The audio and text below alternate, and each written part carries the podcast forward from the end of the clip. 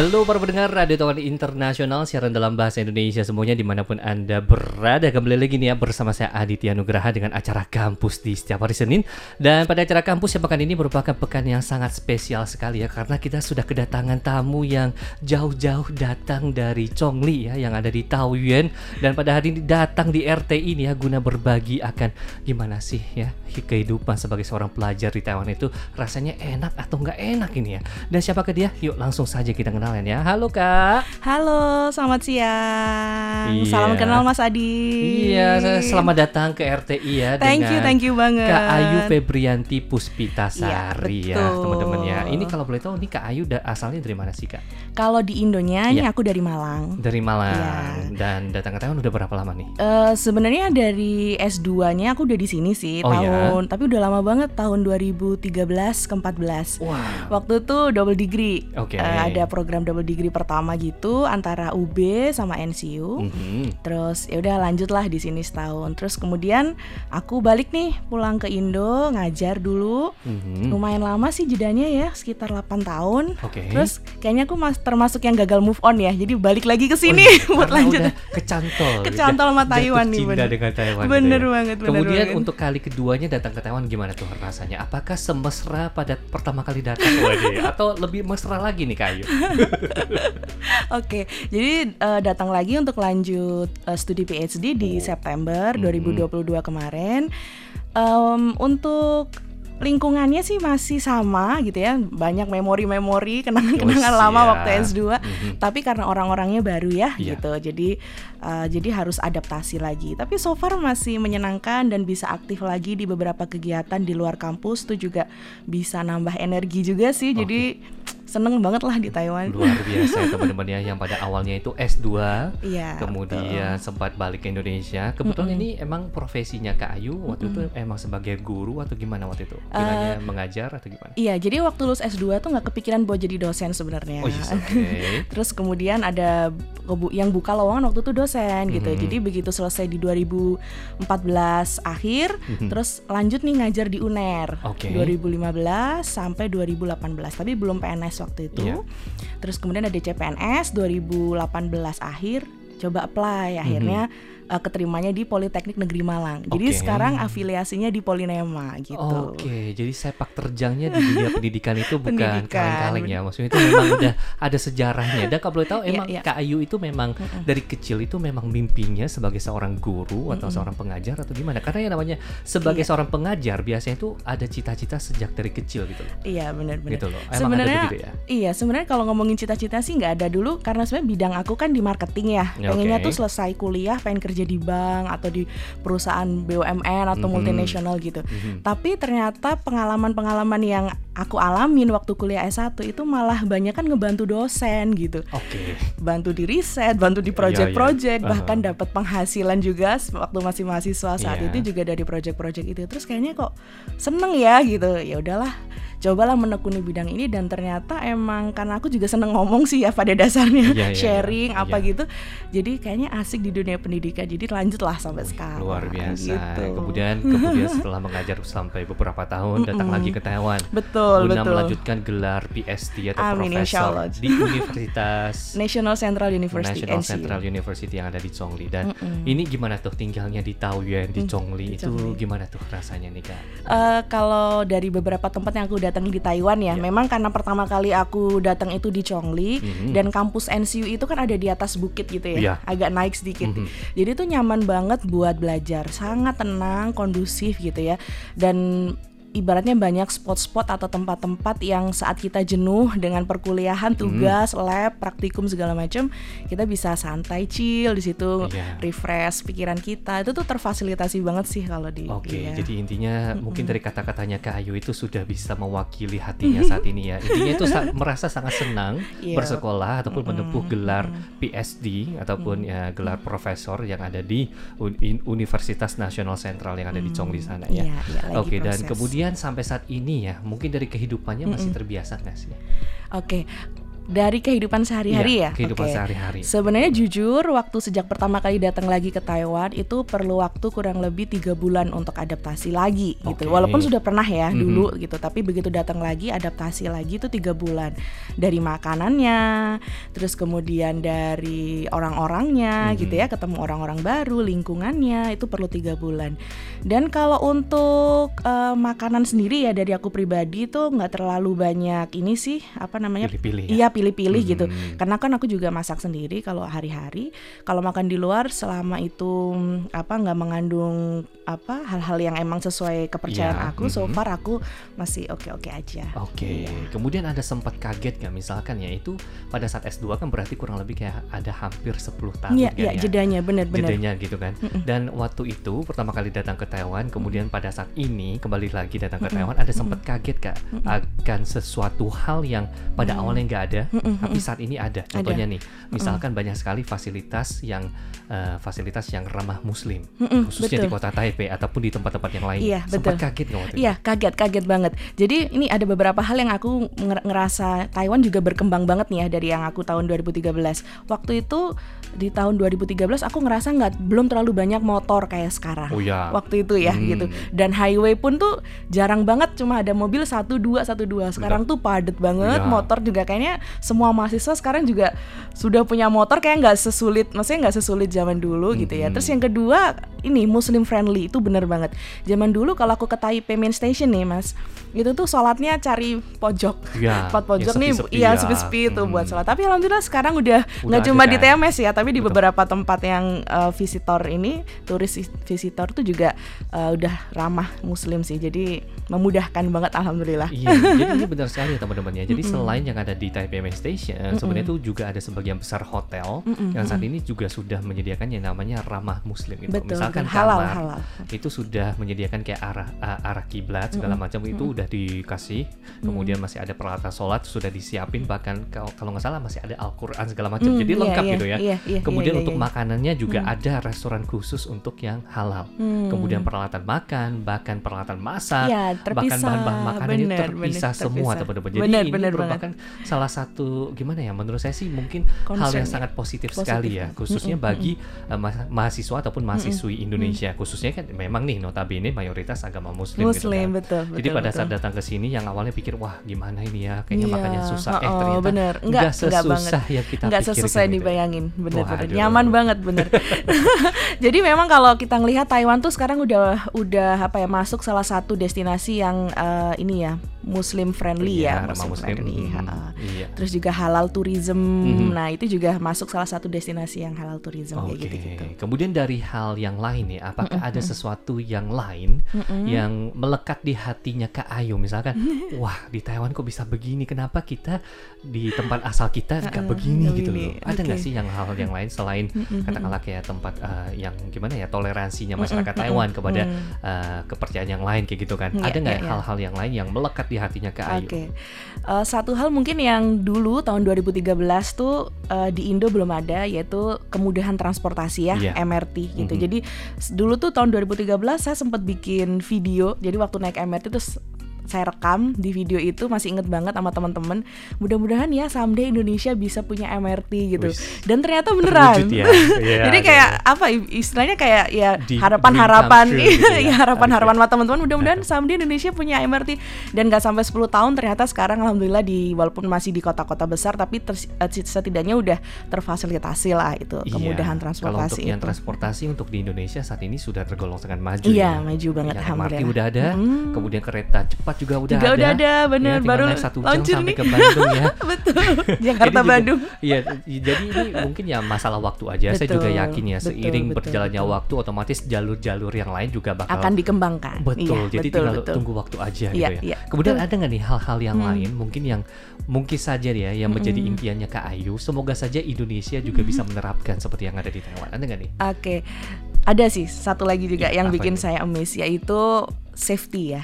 Oke, gitu, keamanan ya. keamanannya. Mhm. Jadi pernah suatu hari itu dompet ketinggalan di Waduh. keranjang sepeda gitu Oke. ya. Ah. Terus kemudian baru inget besoknya dan masih tetap ada di situ nggak berkurang isinya sama sekali. Waduh, luar biasa. Apa segala macam. Jadi kayak apa ngerasa banget kalau di Taiwan tuh orang-orangnya ya karena mungkin tingkat kriminalitasnya juga cukup rendah ya gitu. Mhm. jadi sangat trusted banget dan aman banget kita mau pergi ke mana-mana aman. Kita even kita meninggal nggak sengaja pun ya ninggalin barang kita pun juga kondisinya aman nggak ada yang kurang satu atau apa pun dan nggak ada yang keinginan buat ngambil. Jadi aku rasa itu juga jadi satu poin plus gitu ya yang bisa menjadikan Taiwan salah satu tujuan untuk pendidikan juga gitu Oh, selain dari kualitas kampusnya Oke juga. luar biasa ini langsung kasus real yang dialami oleh Kak Ayu gitu ya. bener banget Oke, dari tadi kita udah ngobrol apa Uh-uh. ngobrol-ngobrol terkait kayak kehidupan sehari-hari, kemudian hal-hal apa saja yang bikin kita itu ngerasa terkagum-kagum akan Taiwan gitu kan. Dan semoga saja bisa ya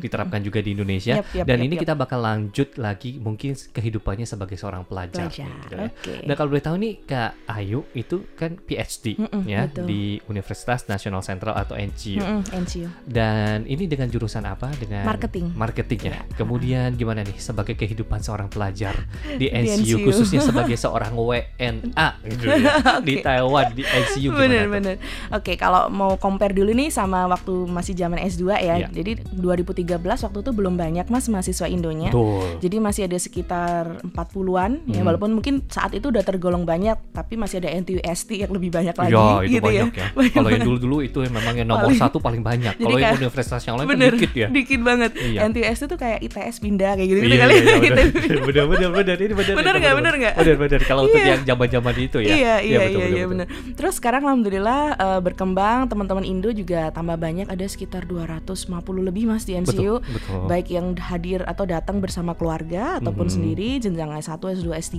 gitu.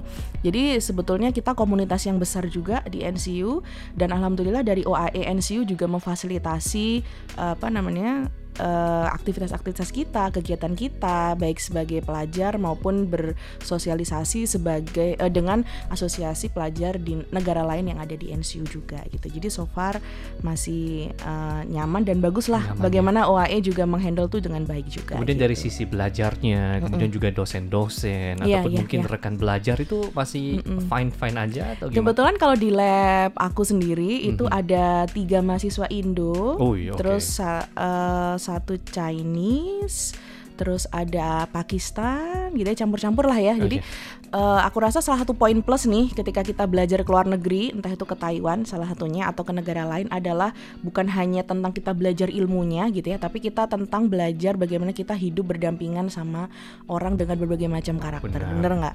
gitu. benar. Dan itu nggak gampang loh gitu dan nggak semua orang tuh bisa dengan sukses dan ikhlas ya kalau aku bilang, Benar, sukses benar, dan ikhlas tuh berdampingan gitu Iya.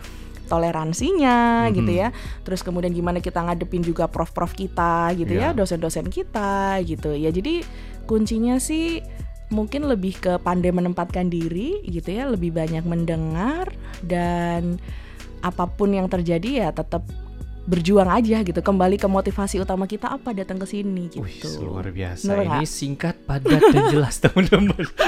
Saya pun langsung kayak terkagum-kagum, La- la- langsung bingung itu mau tanya apa lagi. gitu.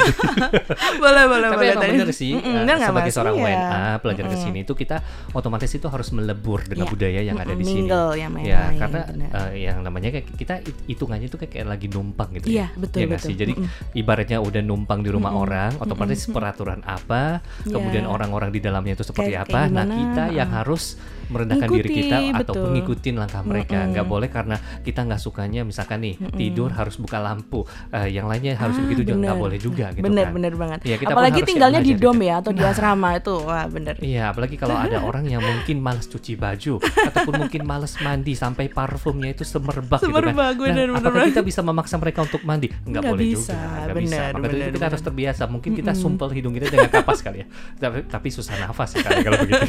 bener bener jadi mungkin gini ya mas yang bisa dikontrol kita kontrol tuh diri kita sendiri gitu Iya. karena kita nggak bisa ngarahkan orang lain buat ngikut sesuai dengan standar atau kemauan Betul, kita jadi betul. emang kemampuan adaptasi itu ya adaptation skill tuh ini juga sih Betul. terasah juga iya, jadi ada banyak sekali hal-hal yang bisa kita pelajari ya sebagai seorang tanda kutip perantau. perantau Oh, iya ya. bener di Jadi luar mungkin negeri dari bener budaya, kemudian mungkin dari eh, makanannya, Makanan, cara kita orang-orang. bersosialisasi dengan orang-orang dari latar bener. belakang yang berbeda. Kemudian yang paling susah bahasanya. Bahasa bener Iya iya, jadi banyak sekali tantangan-tantangannya. Iya, Jadi iya, sebagai iya, seorang iya. perantau khususnya di LN ataupun luar negeri itu bukanlah hal yang gampang. Iya, Namun ini juga kebetulan ya Kak Ayu Febrianti ini merupakan salah seorang penanggung jawab ataupun perwakilan dari Panwaslu yang ada di Taiwan ya. Kalau iya kan bener Iya, kan ya? betul, betul banget. Dan ini kenapa sih dari Kak Ayu bisa mau nih maksudnya ikutan sebagai seorang Panwaslu gitu loh. Terus lu ya, Mungkin iya, saya iya, juga oke. yakin ya untuk gelar PhD itu bukan gelar yang kaleng-kaleng. Otomatis itu kayak harus fokus dengan belajarnya gitu kan. Benar, benar Kenapa banget, dengan benar kesibukan banget. belajarnya itu bisa pengen ikutan lagi tuh? Apakah nggak gimana gitu? ngeganggu Keganggu atau gitu gimana belajarnya gitu atau ya? gimana itu? Hmm, Oke, mungkin sedikit apa cerita dulu. Sebenarnya dulu waktu 2013-14 tuh juga sempat jadi KPPS LN juga waktu pemilu Oke, 2014. oke. Nah, terus kemudian kok tertarik setelah pulang dari Taiwan justru malah sering jadi petugas KPPS yang di lingkungan rumah Hmm, gitu hmm, di hmm, kelurahan kayak hmm. gitu-gitu. Di tiap pemilihan wali kota, gubernur, Oh, ikut. Eh, eh, gitu. presiden tuh ikut terus kebetulan. terus begitu balik ke sini, terus kemarin kayak eh, kayaknya aku perlu tambahan energi. Jujur sih kalau dari aku sendiri tuh dengan ikut kegiatan di luar ini bukan malah ngeganggu fokus Mhm. belajar, tetapi justru menambah energi aku biar caranya gimana bisa manfaat lah buat eh, lingkungan, buat orang, buat ya lingkungan sekitar lah kayak Oh, gitu. Nah, salah satunya ada lewat Panwaslu ini oke. gitu. Memang dari minat lah kata Iya, gitu passion ya. kali ya. Oke deh, dan saya yakin nih sebenarnya dari Kak Ayu sendiri itu ada banyak sekali cerita-cerita ataupun pengalaman yang pengen dibagikan nih kepada teman-teman semua. Tapi apa daya karena masalah waktu Waktu ya kita Kak Ayu ya terbatas. begitu singkatnya dan begitu Betul. cepat. Dan kalau boleh tahu nih ya Kak Ayu sendiri ada nggak di kata-kata yang pengen disampaikan ya kepada teman-teman Indonesia yang ada di Taiwan ataupun mungkin teman-temannya yang ada di Indonesia ataupun mungkin keluarganya nih yang ada di Taiwan ataupun di Indonesia ada nggak di kata-kata yang pengen disampaikan?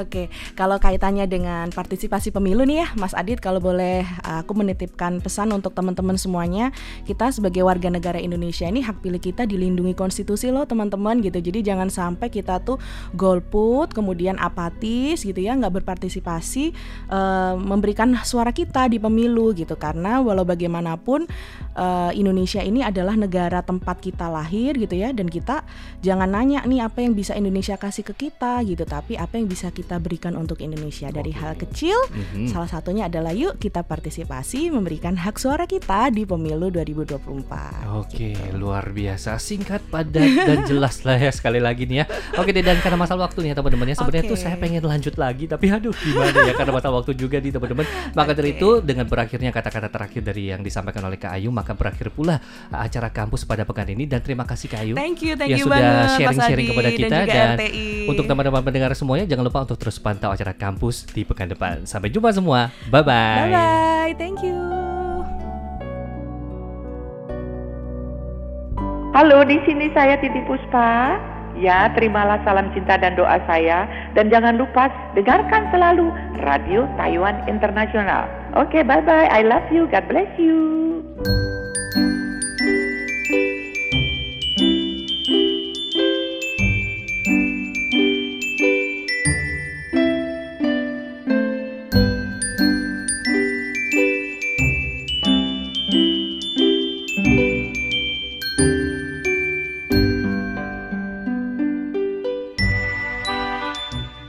Para pendengar sekalian, demikianlah siaran dari Radio Taiwan Internasional program Bahasa Indonesia. Acara kami sendiri disiarkan tiga kali sehari antara lain, siaran pertama disiarkan pada pukul 10 hingga 11 UTC dengan gelombang SW 11915 kHz. Untuk siaran kedua disiarkan pada pukul 12 hingga 13 UTC dengan gelombang SW 11915 kHz.